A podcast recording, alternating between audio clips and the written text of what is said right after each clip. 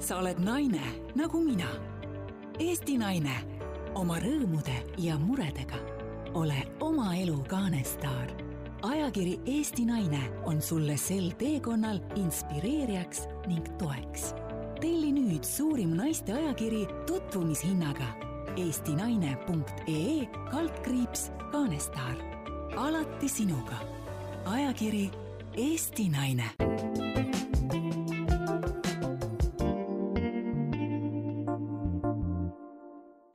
tere tulemast kuulama Eesti Naise vaimse tervise podcasti, mina olen Rita Rätsep ja selle saate juht. täna on mul külas äh, selline tore ja vahva inimene nagu Kristel Rannamees. tere, Kristel! tere, Rita! mina tutvustaks sind kui konstellööri. mis asi see on? me räägime vaimse tervise podcastist ja, ja selline, selline sõna, mis, mis on see amet, mida sina pead? jaa, et äh, ma olen konstellöör ja, ja ka psühholoogiline nõustaja, nii et mul tegutsen põhimõtteliselt kahes valdkonnas, et äh, üks pool ongi siis äh, individuaalnõustamine ja teine pool on grupiteraapia ehk konstellatsioon. Ja selles äh, konstellatsiooni meetod põhimõtteliselt minu ellu saabus umbes kümme aastat tagasi ja siiamaani võiks öelda, et ma olen sellesse armunud mis asi on konstellatsioon, et meie tänase, tänase saate teema iseenesest ongi, ongi rääkida sellest, äh, kust me tuleme ja kuidas see, kust me tuleme, meid mõjutab. ehk need suguvõsaliinid, meie esivanemad, kõik see, kuidas see meid igapäevaselt mõjutab, ehk kui meil on vaimse tervise podcast, siis me räägime ju sellest, et milline võiks ja peaks olema meie vaimne tervis ja see võiks ju ja peaks olema ju mõnus ja tore olemine, eks. aga, aga paratamatult inimesed äh, väga palju on pahuksis oma kas siis esivanematega äh, otseselt või siis ka juba kaugemalt või siis, äh, või siis ka oma õdede-vendadega, tädide-onudega ja, ja kõikvõimalikud sellised teemad, suguvõsade teemad, Äh, tekitavad kas siis väga palju suhteprobleeme ja, ja lõppkokkuvõttes mõjutavad ka inimese vaimset tervist. sina oled konstellöör, mis, mis seos sellel on, kui inimene, kes ei tea mitte midagi konstellatsioonidest, siis kuidas sa hästi lihtsalt ära seletaksid, mis meetod see on, millega sina töötad? jaa, ähm, püüan seda teha võimalikult äh, lühidalt ja selgelt, et põhimõtteliselt konstellatsioon on siis süsteemne vaatenurk inimesele kes äh, parata nii-öelda inimeseks olemisele, sest me paratamatult kuulume alati kuskile ja esimene koht, kuhu me kuulume, on meie suguvõsa ehk äh, süsteem. ja nii nagu sa ka ütlesid, et väga paljud on pahuksis omaenda esmase kuuluvuse kohaga ehk süsteemiga ehk oma perekonnaga, vanematega, lähimate sugulastega ja mida konstellatsioon teeb, ta äh, otsib üles, kus on need komistuskivid või, või miks on need asjad ja suhted läinud äh, sassi. Ja ta paneb, äh, võiks öelda, uuesti armastuse voolama inimeste südamete vahel. et kõige suurem teema minu meelest ka nii-öelda psühholoogi või nõustajana, mida ma näen, on see, et et me ju tahame kõik olla õnnelikud. Ja teistpidi meil on sageli sees mingisugused ängid, pinged, valud, mured ja kust see tuleb, see tuleb sellepärast, et armastus ei voola. kui me seda üldistame, ükskõik mis temaatikas me vaatame, meie äng tuleb sellest, et armastus ei voola. kas meie enda poolt või teiste poolt meie suunas. ja konstellatsioon vaatab, kus on need uksed kinni läinud, miks armastus ei voola inimeste südamete vahel ja siis me vaatame, kuidas saaks seda uuesti lahti teha. Et selline äh, armastuse energia mitte liikumine ja, ja tähendab seda, et, et inimene, inimene on pannud lukku ka oma südame. nii on. ja, ja ta ei taju, et teda armastatakse, et me võime isegi mõelda seda, et see inimene, kes kes on meid äh, kas siis sünnitanud või kelle lapsed me oleme ja, ja kes on meie lapsed, et me oma südames ju tegelikult kõike seda liini ju armastame iseenesest. Ja aga millegipärast on läinud see uks lukku või meie ei taju, et meid armastatakse. et meie oleme piisavad sellele või teisele inimesele, ehk selle inimese, kes, kellelt me ootame seda armastuse väljendust, tema armastuse väljendus on teistsugune just, just, see oli väga täpne sõnastus, et tema armastuse väljendus on erinev. see on midagi, eh, et meie ootame teistsugust armastust ja see armastus on meie jaoks või enamus inimeste jaoks tingimuslik, ehk siis ma kogen armastust siis, kui ta tuleb või jõuab minuni teatud viisil. ja kui ta sellisel viisil ei jõua, siis see ei ole ju armastus ja selle teise inimese poolt vaadatuna, näiteks kui me võtame siis vanemad, eh, nemad, eh, kui nende käest küsida, siis enamus vanemaid vastavad, loomulikult ma armastan oma lapsi, ma armastan neid üle, üle kõige maailmas. ja kui laste käest küsida, siis nad ütlevad sageli, et aga ma ei tunne seda. ma ei tunne, et nad mind armastavad, sest ma olen oodanud midagi muud. Ma olen oodanud mingisugust universaalset eh, tingimusteta armastust vanemate poolt, kus ma olen täielikult vastu võetud ja nähtud sellisena, nagu ma päriselt olen mitte lihtsalt nähtud äh, mind kui mingisuguse tüütu putukana, kes kogu aeg küsib ja tahab midagi ja keda sunnitakse vaikima ja siis ma pettun ja siis ma tunnen, et tegelikult minuga ei arvestata, minu vajadused ei loe, ma pean olema mingit moodi nende jaoks, et üldse pälvida nende tähelepanu ja tunnustust. ja siis me läheme lukku, meil tekib selline normaalne äh, protest selle vastu sisemuses ja, ja me solvume, pettume ja, ja tõmbume endasse ja vanemad sageli vaatavad, et noh, et mis tal jälle viga on. ja siis viib üks asi teiseni. et siis lõpuks see kõik nagu kasvab, äh, kuna võib-olla ka ei räägita või kui räägitakse, siis pigem kuulatakse iseenda juttu ja, ja ei saada aru, et teisel inimesel on lihtsalt teine arvamus, eks ju, sest tüli ja tuleb ikka sellest, et mõlemal on õigus. Ja me tihti räägime süüdistuste keeles me ei räägi mitte oma vajaduste keeles, vaid me räägime süüdistuste keeles. miks sa oled selline, miks sa ei vasta minu ootustele, miks sa tegid nii, miks sa ütlesid seda, versus see, et me räägime oma vajadustest, et äh, mul on, mul on valus, mul on kahju, ma soovin, ma väga igatsen, et sa oleksid minuga sellisel või teistsugusel viisil. et siis tihti me ütleme, et sina ei armasta mind, selle asemel, et äh, öelda, et ma tahan, et mind armastatakse. Jah, või et ma läksin praegu lukku jah, võib ka olla seda, eks. ja, ja lõppkokkuvõttes me saame selle all kannatama ise. ja, ja, ja, ja see tuleb väga palju ka sellest, et meil tõesti on mingid ootused, meie ajukene ei tee vahet ootusel ega, ega tegelikkusel. Äh, kui ma juba midagi mõtlen, siis minu aju jaoks see juba on, eks ju, ja, ja kui me sellest ka ei räägi, seda omavahel ei kommunikeeri, siis see jääbki ainult ootuseks.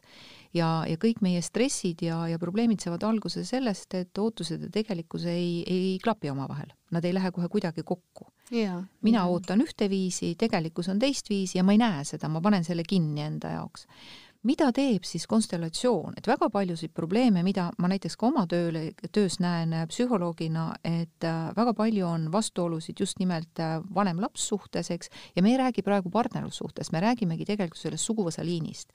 ja, ja, ja seal võib olla ka vanavanematega mingeid probleeme, seal on väga palju probleeme oma õdede-vendadega ja nii edasi, et eks see üks hingegrupp ongi oma, omal nii-öelda kokku saanud ja vahetavad rolle siin aegade jooksul, sellepärast et meil on vaja midagi ära õppida aga, aga noh, see tundub mõne jaoks selline väga esoteerika, aga paratamatult see kuidagi nagu vastab tõele.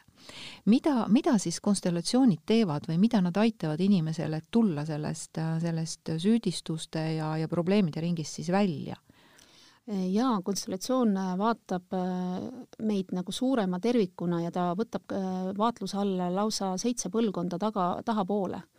ja ta on tuvastanud, et need põlvkondade eh, temaatikad kajavad meie ellu siiamaani, siia olevikku, kus mina par-, parasjagu olen, et kui mina olen, öeldakse, et mina olen esimene põlvkond, minu vanemad on teine põlvkond, vanavanemad on kolmas põlvkond ja nii edasi sinna tahapoole, kuni seitsmenda põlveni, vahel ka kaheksanda, üheksandani vaatame neid dünaamikaid et kui midagi kuskil on juhtunud seal näiteks ütleme viiendas põlves tagapool, on äh, üle elatud suured äh, kannatused, võib-olla sõjaolukorrad, äh, võib-olla noh, meie, meil on, ütleme meist kolmas-neljas põlvkond on üle elanud küüditamised, teise ja esimese maailmasõja, ja sellega koos on väga palju traagikat, seal on väga palju kaotatud lähedasi, oma, oma partnereid sõjas on kaduma läinud inimesi, võib-olla pole kunagi isegi hauda olnud kellelgi, me ei saa käia oma lähedaste haua peal.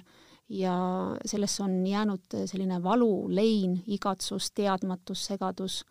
Ja see kõik kajab siia praegusesse põlve samamoodi, sellepärast et kui vanaema kaotas sõtta oma armastatu, võib-olla nad olid alles kaks aastat tuttavad, jõudsid eostada ja sünnitada ühe lapse ja siis võeti mees ära kõige paremal, õitsvamal kooselu ajal.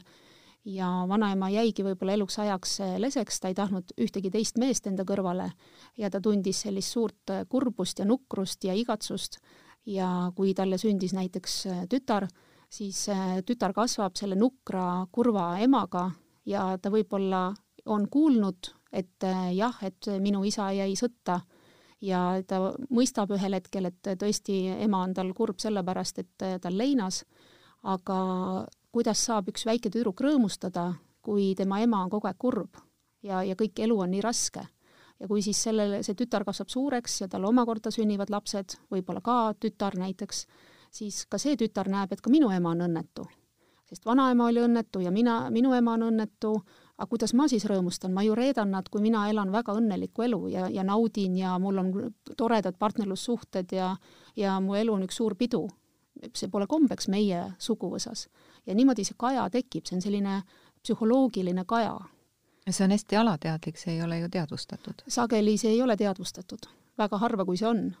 ja mida siis perekonstellatsioon teeb, ta näitab äh, sellele inimesele, kes tuleb äh, perekonstellatsiooni, ta näitab kõrvalt seda suuremat pilti, sest tavaliselt siis seesama äh, tütretütar tulebki sinna konstellatsiooni töötuppa, istub klienditoolile ja äh, kui ma küsin, et aga mis su soov on, mis su taotlus on, miks sa tulid, no ma tunnen, et ma ei ole õnnelik. minu partnerlussuhted ei õnnestu. ja siis me hakkame vaatama, et kus see siis pihta on hakanud, et millest see tuleb, kust see dünaamika pärit on, et mi miks tal ei õnnestu. Ja üldjuhul see rullibki lahti sinna tahapoole, sest juba vanaemal ei õnnestunud, vanaemal leinas ja siis me saame eh, tagantjärgi, konstellatsioon ütleb, et meil on võimalik tagantjärgi kõike muuta. me ei muuda mitte reaalset olnut, me ei muuda neid fakte, aga me muudame energeetilist, psühholoogilist eh, dünaamikat. me muudame seda eelkõige kliendi sisemises maailmas, sest tema hakkab nägema suuremat pilti, ta hakkab mõistma, kust see tuleb ja ta ühel hetkel saab aru, et aa, okei okay,, see oli vanaema lein, see oli vanaema kurbus ja, ja katki läinud äh, suhe vanaisaga, mina ei pea kordama vanaema saatust. ja sealt tekib äkki üks selline nagu taipamine ja vabanemine ja siis pääseb see armastus voolama, sest et minul tekib enda sees armastus, väga suur armastus selle vanaema vastu mm. -hmm. Et see on, see on päris suur töö energiatega, et me me oleme seda, me oleme seda mõte mõlemad, mina natukene, sina väga palju õppinud, et teame, teame, millest me räägime ja, ja, ja praegu ma tegelikult äh, püüangi tutvustada sedasama asja ka meie kuulajatele, et, et seda kõike saab uurida, vaadata ja, ja enda sees ka äh, mõtestada, et kas, kas me, kas me saame ka midagi näiteks inimestele anda, et praegu ta saaks ise kuskilt nagu alustada iseenda sees alustada, et äh, see on kuskilt maalt rahu tegemine äh, enda sees, et see on nagu ka mõtete muutmine mingil määral, et me muudame ju energeetiliselt väga paljut me, ja, ja mõtte muutmine on ju ka energia muutmine. E, kui ma saan teada selle, mis mis tegelikult ma olen omistanud kellegi teise tunded ja mõtted ja ma saan aru, et need ei ole minu omad. Ja ma saan nad vabaks lasta. Ja ma saan juba luua ise enda liini juba seda, mida mina siis tunnetan, ehk ma saan endaga parema kontakti. et kas, kas sul oleks midagi näiteks praegu siin, mina olen üritanud selle podcast'iga hästi palju anda selliseid praktilisi väljundeid inimestele, mida nad saaksid ise harjutada, ise teha ja toimetada, et, et saada enda sees see vaimne tasakaal paremaks ja, ja olla vaimselt ise tervemad. me saame väga palju ise teha sest kui me lähme kellegi juurde, siis äh, see protsess võib olla natukene pikem ja, ja, ja, ja saada, et kaks inimest saaksid üldse aru, et mis sellel ühel inimesel siis on vaja ja nii edasi, eks ju, et see võib palju aega võtta, aga et inimene saab juba esimesed sammud ise, ise astuda ja midagi iseenda jaoks ära teha. oleks sul midagi anda ka selles sellises valdkonnas praegu, et kuidas teha rahu, kas siis oma, oma enda sees oleva siis kurbuse või mi, mis iganes teemaga, mis tuleb kuskilt mujalt. näiteks haiguste koha pealt äh, on ju need suguvõsa legendid, eks ju, mis liiguvad, et oi, meie peres on kõik nagu nõrga kopsuga või meie peres on kõik vot sellise sellisega, siis inimene saab võtta vastu otsuse, minust alates, mina kaasa arvatud, need haigused ei tule lihtsalt ja, ja see võib tunduda selline väga lihtne, aga juba see otsus mõjutab väga palju seda energeetikat. aga mida sellises asjas teha? jaa, saab teha küll, et äh, eelkõige kui ma teadvustan, kui ütleme, kõige lihtsam on siis, kui ma juba tean, et see ei olegi päriselt minu tunne või minu sümptom ja siis ma annan selle põhimõtteliselt sinna ära, kuhu ta kuulub, näiteks kui sa tõid selle kopsuhaiguste näite, siis äh, konstellatsioonides on ka äh, haiguste peale ja sümptomite peale tehakse konstellatsioone.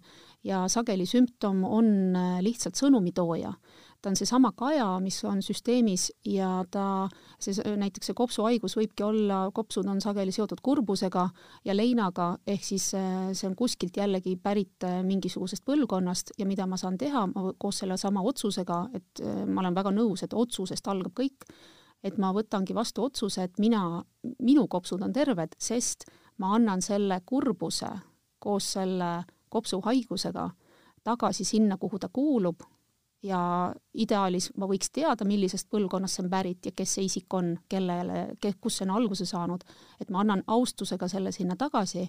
Või kui ma ei tea, siis kes see isik on, siis ma annan selle mõttes äh, usaldan, et ta läheb täpselt sinna sellesse ajajärku ja selle inimese juurde tagasi, kust ta siis pärit on või kust ta on alguse saanud. ma võin seda teha ka abstraktselt. abstraktselt öelda. mõttes, jaa. kuna ma ei tea täpselt, siis ma saan iseenda sees nagu öelda, et ta läheb ja ta lähebki sinna mhm. tagasi mm, -hmm. kust ta kunagi alguse on saanud. ja seda tuleb teha austusega, mitte süüdistusega. just, hästi oluline on austus ja mitte selline protest või viha, et ma viskan selle ära kuskile. ei, me teeme seda kõike läbi, läbi sellise sügava äh, austuse tunde, sest seal kunagi tol ajal oli sellel väga reaalne põhjus, miks see alguse sai ja see ei ole süüdistus, et vot, et vot sinul oli kunagi seal minu esivanemal või oli mingi selline asi ja nüüd mina pean seda nii-öelda karmat siin kandma.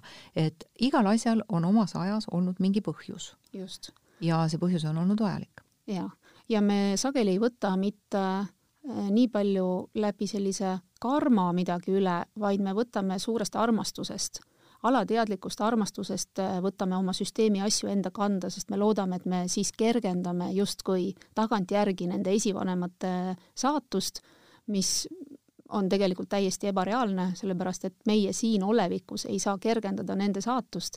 ainuke, mis me saame teha, me anname sellele koha austusega ja me mõistame, et siis tol ajal olid täiesti teistsugused ühiskondlikud olud, äh, suures pildis toimus nii palju asju ja noh, näiteks kui me võtame sõda, eks ole, taustal, siis et ma lihtsalt mõistan, kust nad on tulnud, millisest keskkonnast ja, ja läbi selle mõistmise tekib see austus ja sealt ka see armastus. mul tuleb meelde üks sinul on kindlasti neid juhtumeid väga-väga palju ja, ja, ja minul selles vallas natukene vähem, aga, aga kunagi, kui sai ka seda veidikene rohkem studeeritud ja veidikene rohkem praktiseeritud, siis äh, mul oli üks, äh, üks meesterahvas, kellel olid äh, kõhuvalud, tohutud kõhuvalud olid ja tead, kus me välja jõudsime, jälle sinna küüditamise aega. Et tema mäletas, kuidas tema vanaisa võttis vastu paberi, millele tuli allkiri anda ja see oli see küüditamise mingisugune teema seal, mingid, mingid sellised asjad, mida ta enam väga-väga väikse lapsena mäletas. ja kuna ta siis nüüd, täna, siin ja praegu on ühe suure asutuse juht, iga kord, kui ta pidi andma mingi tähtsa allkirja, pärast seda olid tal kõhuprobleemid wow.. vot selline asi tuli mul praegu meelde, et, et vot milline seos tegelikult just, on, eks. just. aga ikkagi pinniks, pinniks sinult ikkagi midagi ka praktilist välja.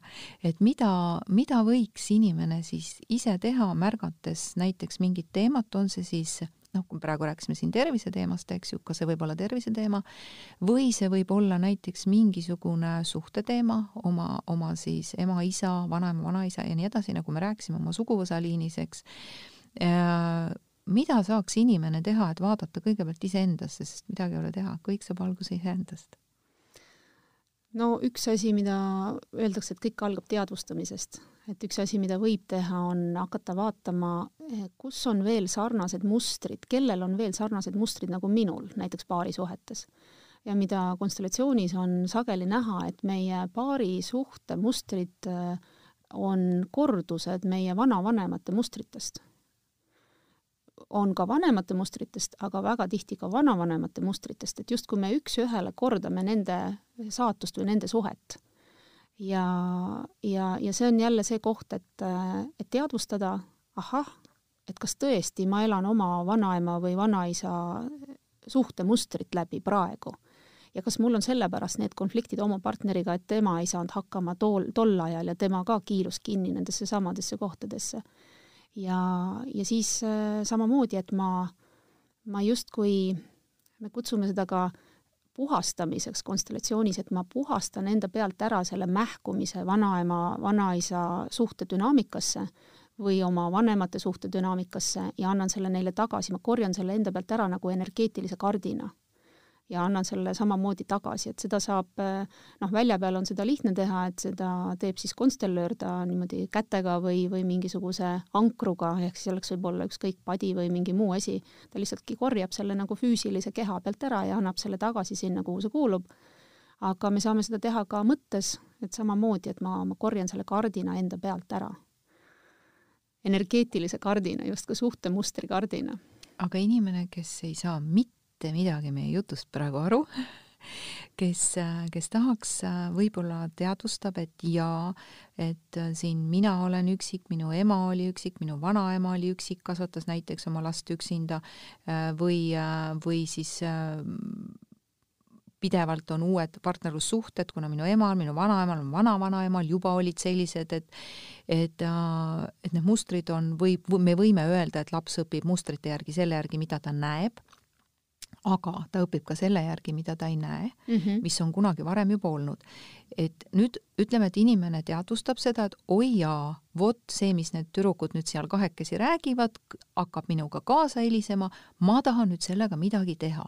aga ta ei tea midagi konstellatsioonidest, ta ei tea mitte midagi koordinatest sellisel kujul ja et kuidas seda hästi lihtsalt saaks inimene ise teha, ütleme nii, et ta on teadvustanud juba, et jaa tõesti, ma kordan oma ema või isa või, või mis iganes mustrit, eks ju, mis siis edasi? no seesama, et paneb silmad kinni. nii, panen silmad kinni ja, ja ütleb siis, kas või võtab endale, kujutab enda silme ette kõiki neid äh, esiemasi või esiisasi, kelle, kes äh, seda samasugust mustrit kannavad ja äh, läheb nagu mõttes igaühe ette ja ütleb, et, et ma, ma mõistan, et sinu ajal oli nii ja sina tegid need valikud.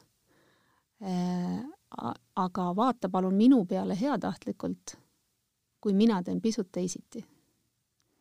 ahhaa, kas me kanname neid mustreid nagu suguvõsa lojaalsusest? jaa lojaalsus on üks oluline märksõna, mida konstellatsioonides palju kasutatakse, et me enamasti oleme lojaalsed nii heas kui halvas oma esivanematele, sest eh, mingis mõttes me ei ole näinud teistsugust pilti. meil puudub see eeskuju, et kuidas on teisiti ja selle tõttu me olemegi lojaalsed, et me arvame, et justkui meie saatus on eh, korrata sedasama.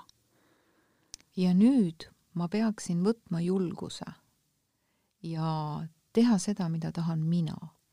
ja kujutada endale ette, kuidas ma tahan äh, tänada oma vanemaid ja esivanemaid selle eest, et nemad elasid oma elu täpselt nii, nagu nad elasid ja tänu nende kogemustele tegelikult olen mina täna see, kes ma praegu olen ja ma võin teha asju omamoodi. jah, siin on üks väike aga.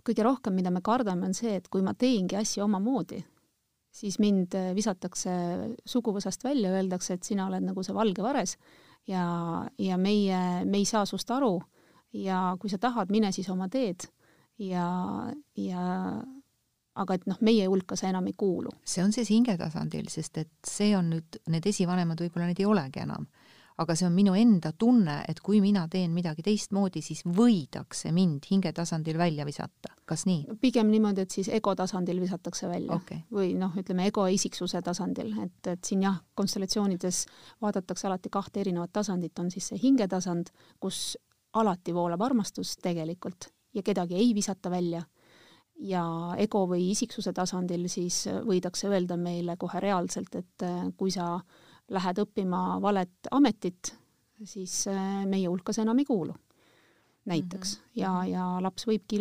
lojaalsusest, kui meil on kõik olnud näiteks viimased kolm põlvkonda arstid, siis et mis mõttes ma tahan saada baleriiniks see ei kõlba mitte kuskile, et äh, meil ei ole selliseid kunstnikke ja, ja mis amet see baleriin üldse on mm. -hmm. nii et äh, seal võib tekkida väga suur lojaalsuskonflikt.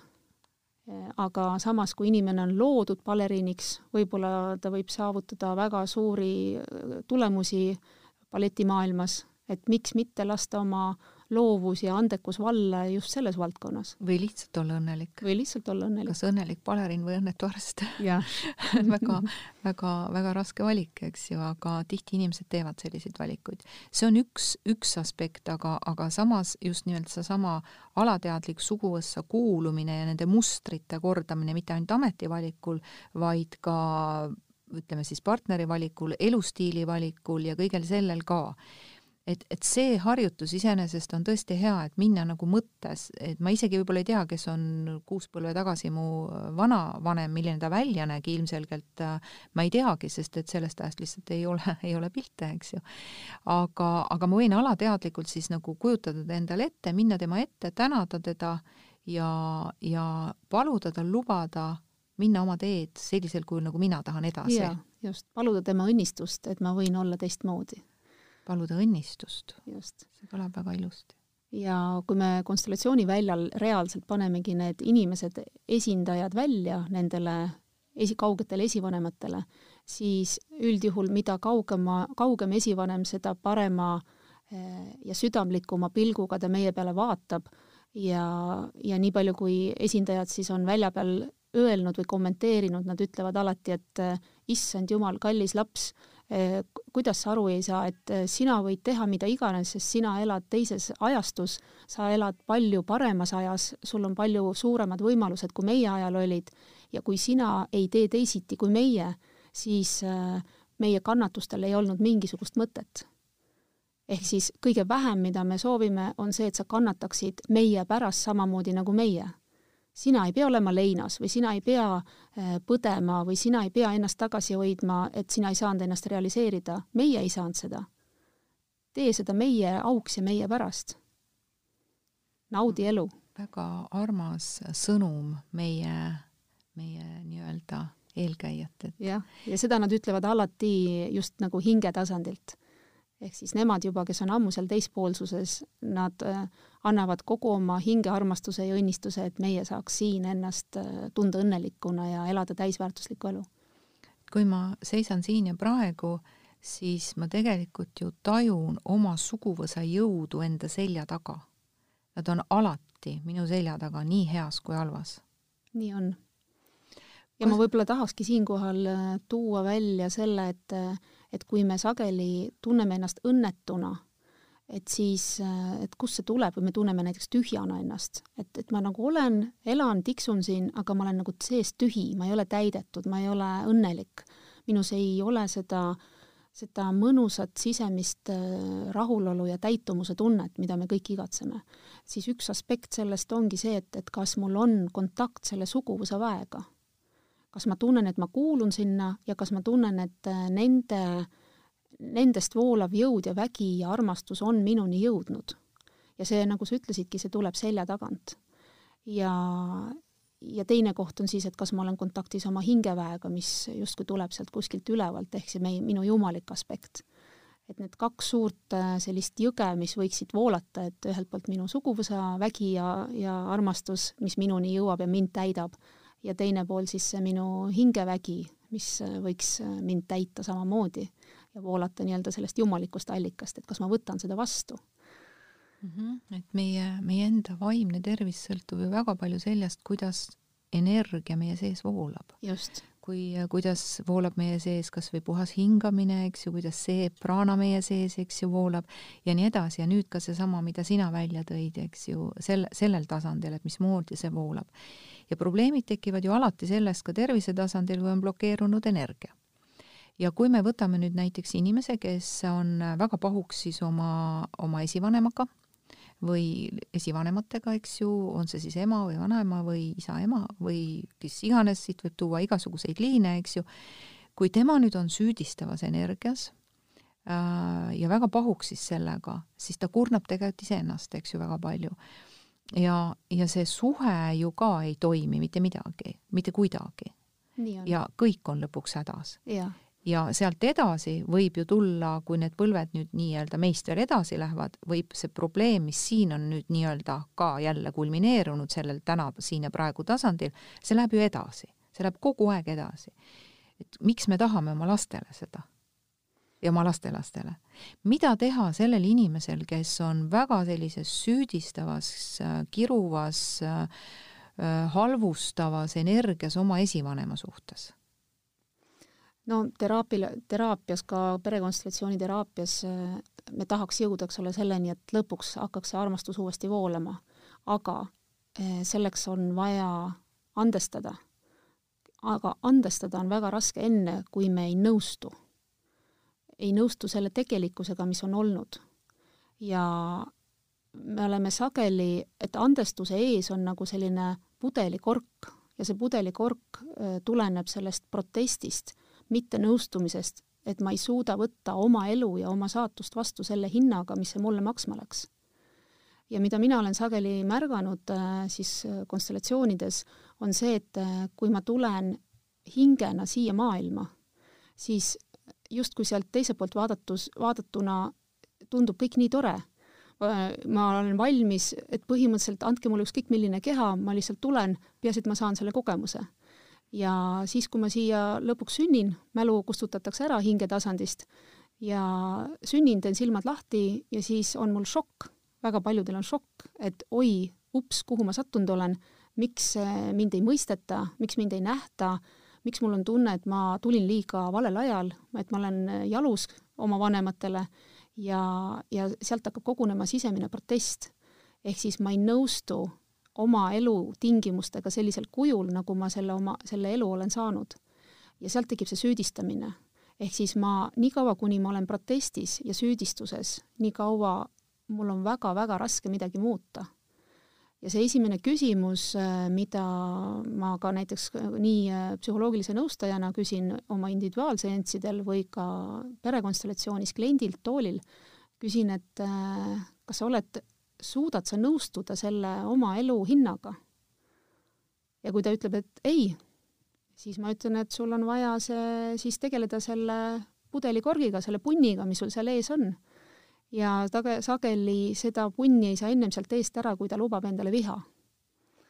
lubab tunda täielikult viha, kogu selle, seda viha, seda protesti, mis tal on selle hinna vastu, millega ta oma elu sai ennem ta ei saa punni eest ära, sest see on see vihapunn seal. kas see on nagu olukorraga leppimine või rahu tegemine? pärast seda, kui tal on lubatud väljendada viha, ta saab lõpuks võib-olla leppida selle olukorraga, aga mitte ennem. meil on raske andestada enne, kui me ei ole läbinud seda viha etappi. ja mida meile sageli öeldakse, et me peame andestama vanematele. et vanemad on pühad, me peame neile kõik andestama. me ei tohi olla vihased nende peale, eriti kui nad on surnud konstellatsioon ütleb, sa pead läbima selle vihakihi teadlikult, lubama endal seda vihatunnet ja siis sa saad minna sinna andestusse mm. -hmm. sest samas on ju, me oleme kõik oma vanemad ise valinud.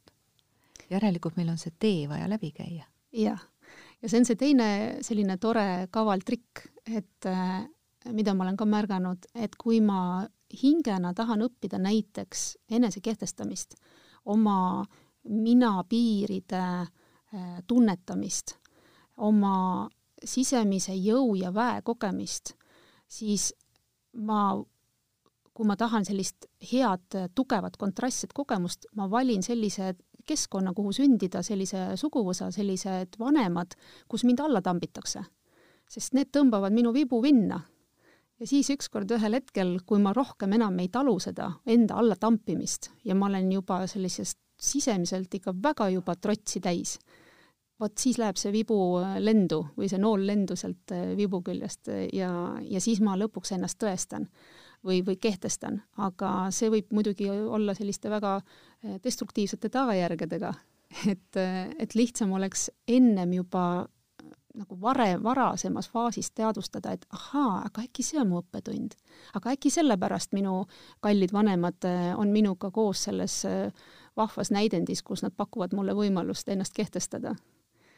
et selle asemel, et süüdistada ja sellega tekitada iseenda sees probleeme ja, ja, ja enda ümber probleeme ja nii edasi, võiks vaadata, et nii, see on minu kogemus, siin ma nüüd olen ja nüüd ma pean vaatama, miks ma siia tulin just, just. nii lihtne see ongi. et see süüdistav energia tuleks hoopis sellega minna peegli ette. ja, ja, ja ütle, öelda kõiki neid asju endale, sest et mina olen järgmine põlvkond oma vanematest ja ma kannan tegelikult sedasama mustrit edasi mm. -hmm. ja see on see, millega ma tegelikult peaksin üldse tegelema, mitte süüdistama. et küsimus on jah, et, et kui ma süüdistan, ma tahan, et teine muutuks aga ma võiks küsida peegli ees, mis on see koht, kus mina pean muutuma, mis on see minu õppetunni koht siin, selles kontekstis. või millest ma puudust tunnen. et ma ka karjun selle välja tegelikult äh, nii-öelda oma esivanematele, millest ma olen ilma jäänud ja. enda arvates. mida ma olen tahtnud näha, aga pole, olen saanud teisel kujul, aga ma ei näe siis seda, sest ma tahan saada midagi konkreetset. kas sul on ka mingisugune konkreetne selline, tavaliselt on need niisugused meditatsiooniharjutused või midagi sellist äh,, midagi sellist, mida saaks nagu noh, olles ka ise neid läbi teinud, eks, et, et need hästi töötavad, ma tean, et kui ma teen selle meditatsiooni nagu läbi, siis minu sees hakkab ju teistmoodi energia liikuma, eks ju. et ma, ma, minu sees tekib mingi äh, selline ütleme, et lah-, lah-, lahkem olek või selline lahtisem olek ja ma näen nagu seda pilti just nimelt suurelt ja sina kasutasid sõna väljal, eks ju, need on need konstellatsiooniväljad, et need on terminid, eks yeah.. aga, aga kui me toome siia tavaellu, siis see on selline suur pilt. ma näen seda sellisena, kas sul oleks praegu siin niimoodi hopsti midagi, midagi kuskilt äh, pakkuda? Jaa, on küll, et äh, on, konstellatsioonides on üks selline väga klassikaline meditatsioon, mida tehakse ja paljudes töötubades üle maailma et kui, äh, kui on äh, huvi, siis selle, sellise meditatsiooni ma võin küll siinkohal praegu teha, et see ei võta väga palju aega. Palju see umbes võtab? see võtab umbes äh, no viis, viis kuni seitse minutit. viis kuni seitse minutit, et nüüd me ei tea, kuidas meid kuulatakse, eks ju, et kes kuulab meid niimoodi mõnusalt tugitoolis istudes, siis tema võib selle rahulikult need silmad kinni panna ja seal edasi istuda. kui keegi kuulab meid autoroolis, siis nüüd võiks selle panna kas tõmmata teeserva ja teha see meditatsioon läbi äh, või siis äh, panna siinkohal nagu saade kinni, minna koju ja teha see rahulikult läbi, eks ju. et või, või lihtsalt võib selle ka ära kuulata, eks ju, ja mitte seda kaasa teha, et see on ka võimalus, eks ju. et, et nüüd võiks, võiks öelda seda, et tavaliselt öeldakse, et ärge seda kodus järgi tehke, et nüüd tehke see kodus järgi et enda jaoks turvalises keskkonnas, on ju. aga see oleks väga tore, kui sa oleksid valmis selle siin läbi tegema. ma teen selle sinuga kaasa siin. väga hea alustuseks siis leia endale mugav asend, veel parem, kui sa kodus rahulikus keskkonnas seisad püsti ja jalad õlgade laiuselt harkis. hinga mõned korrad rahulikult, tunneta oma keset, sule silmad. Ja kujutle ennast ühele avarale, avarale aasale see on ükskõik milline aas. lihtsalt luba oma kujutlusvõimel seda luua just sellisel kujul, nagu see sulle meeldib. peaasi, et see on hästi suur ja hästi avar. et see ulatub kuhugi kaugusesse, silmapiiri taha. ja kui sa seisad sellel aasal, vaadates seda kaunist loodust enda ümber, pilk suunatud kaugusesse siis kujutle, et kusagilt sinu selja tagant hakkab sinu juurde sammuma sinu ema. ja ükskõik, kas ta on hetkel elus või on ta juba läinud teispoolsusesse, kujutle, et see, kes tuleb, on sinu ema hing. ja ükskõik, millised on teie suhted, siis usalda, et hinge tasandil on ta hell ja armastav ja mõistav. ja luba oma ema hingel sammuda sinu selja taha ja jääda seisma sinu vasaku õla taha. ja seejärel ma palun, et sa kujutled, et kuskilt sealt selja tagant kaugusest hakkab sinuni sammuma sinu isa hing.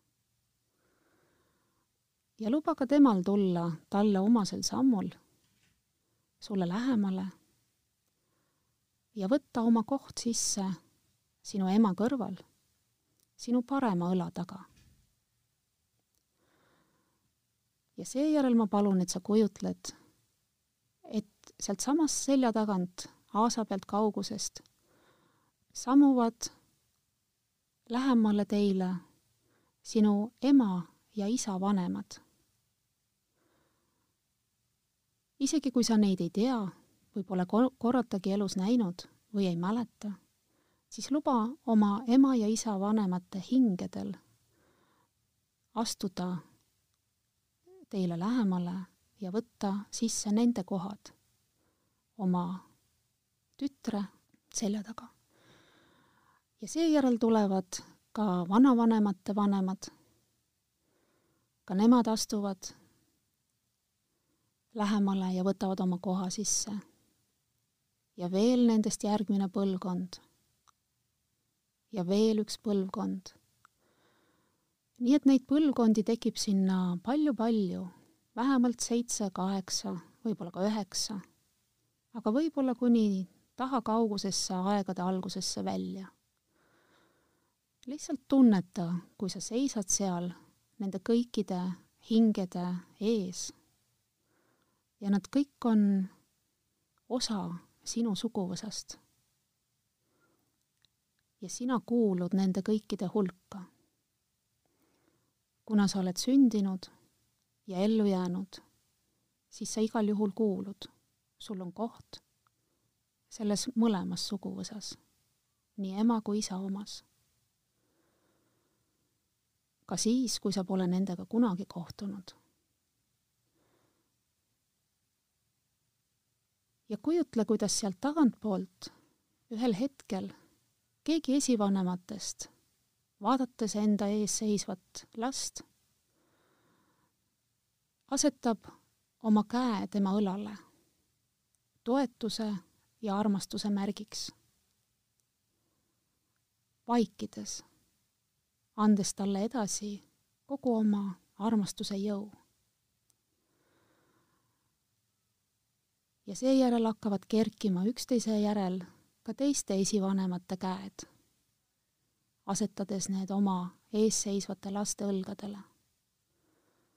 ja niimoodi vaikselt tasapisi kerkib kätemeri, kes kõik toetavad ja annavad edasi oma järglastele oma sisemise hingeväe ja armastuse jõu ja ükskõik, mida nad on oma eluajal kogenud, ükskõik, mis see neile maksma on läinud, kõige tähtsama on nad teinud. Nad on edasi andnud elu. ja see elu on jõudnud sinuni. ja ühel hetkel sa tajud, kuidas ka sinu isa tõstab oma käe ja asetab sinu õlale. ja samamoodi teeb seda sinu ema ja tunneta, kuidas nende kätest voolab sinuni kogu suguvõsa toetus ja vägi. ja lihtsalt luba endal see vastu võtta. sest sinu sees voolab ka sinu esivanemate veri. ja nendega koos ka nende armastus, kogemused tarkus, andekus. Need kõik on kandunud ka sulle üle. lihtsalt luba endal seda vastu võtta. ja kui sul on, siis sa võid ka kujutleda enda ette oma lapsi. ja enda kõrvale nende laste isasi. ja kui sul neid veel ei ole lapsi, siis sa võid kujutleda sündivaid tulevasi lapsi enda ette. ja võib-olla sul on isegi juba lapselapsed, siis kujutle oma laste ette ka neid seismas. ja tunneta, kas, kas sina soovid oma käe tõsta oma lapse õlale ja edasi anda kõike seda, mida tagantpoolt sa tunned endasse voolavat. ja võid kujutleda, kuidas sinust saab see keskpunkt, kes annab edasi järgmistele põlvkondadele. sest ka neid ju sünnib järjest juurde ja juurde. nii et sina muutud ühel hetkeks selleks kaugeks esivanemaks. luba läbi enda voolata sellel väel, mis tuleb selja tagant, läbi sinu südame ja liigub edasi sinu lastele ja lastelastele ja lastelastelastele. ja lihtsalt koge seda õnnistust, mis läbib kõiki põlvkondi, sealt tagantpoolt sinuni ja sinust edasi. ja luba sellel tervendada kõik valud ja hingetormid teades, et see on see, mis päriselt kannab. ja enda sees võid öelda lõpetuseks lihtsalt jah sellele kõigele, mis on olnud ja aitäh selle kõige eest, mis sa oled saanud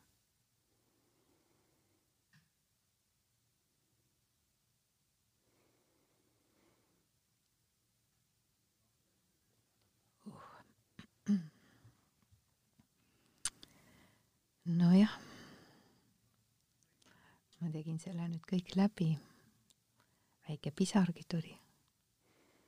ja see on selline, eks igalühel on nüüd oma kogemus, et, et ma tunnen, tundsin nagu enda sees kõigepealt seda jõudu. et ma, et mi-, minul olid nagu juured, need tulid selja tagant, tugevad juured ja mingi tohutu rahu on sees jaa. See on jah, meditatsioon, mis väga võimas. mis väga, väga paljudele mõjub. jah, just, et, et minul endal ei ole teadaolevalt nagu, nagu ühtegi probleemi nii-öelda, eks ju, tõsiseltvõetavat probleemi selja tagant olemas.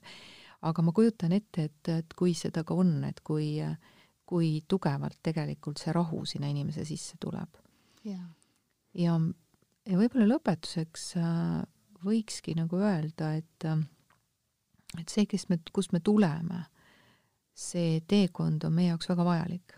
see, kes me oleme ja kuhu me läheme, on meie teekond ja me saame seda väga palju muuta äh, paremaks.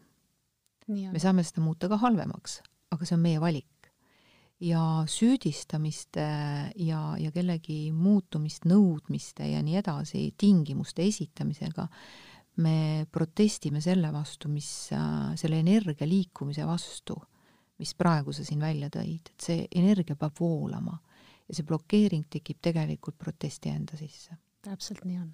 ärme teeme endale liiga. jaa. elame, elame iseendaga ja, ja sellega, missuguses liinis me oleme rahus. ja Just. me oleme tervemad ja tugevamad. jaa. ja kui ise ei oska, siis alati on, kuhu pöörduda. jaa, ka seda loomulikult ja, ja võib ennast harida ka erinevate raamatute ja, ja, ja selle, selle teadlikuks saamisega selle kaudu ja ja vaadata, kas see on see, mida minul oleks vaja, eks ju mm.. et see, mille vastu me kõige rohkem protestime, on see, mida meil kõige rohkem on vaja sageli küll sageli küll. aga aitäh, Kristel, sulle tulemast, et sa leidsid selle aja ja, ja tegid meile selle, selle meditatsiooni, et, et see on nüüd meil ju täiesti jääb, jääb siia salve ja inimesed saavad seda igal hetkel kasutada ja, ja selle läbi teha ja kogeda seda tunnet, mis, missugune rahu selle teiega kõigega tekib. suur tänu ja suur tänu kõikidele kuulajatele meid kuulamast, meiega kaasa mõtlemast ja, ja olgem õnnelikud. aitäh! aitäh!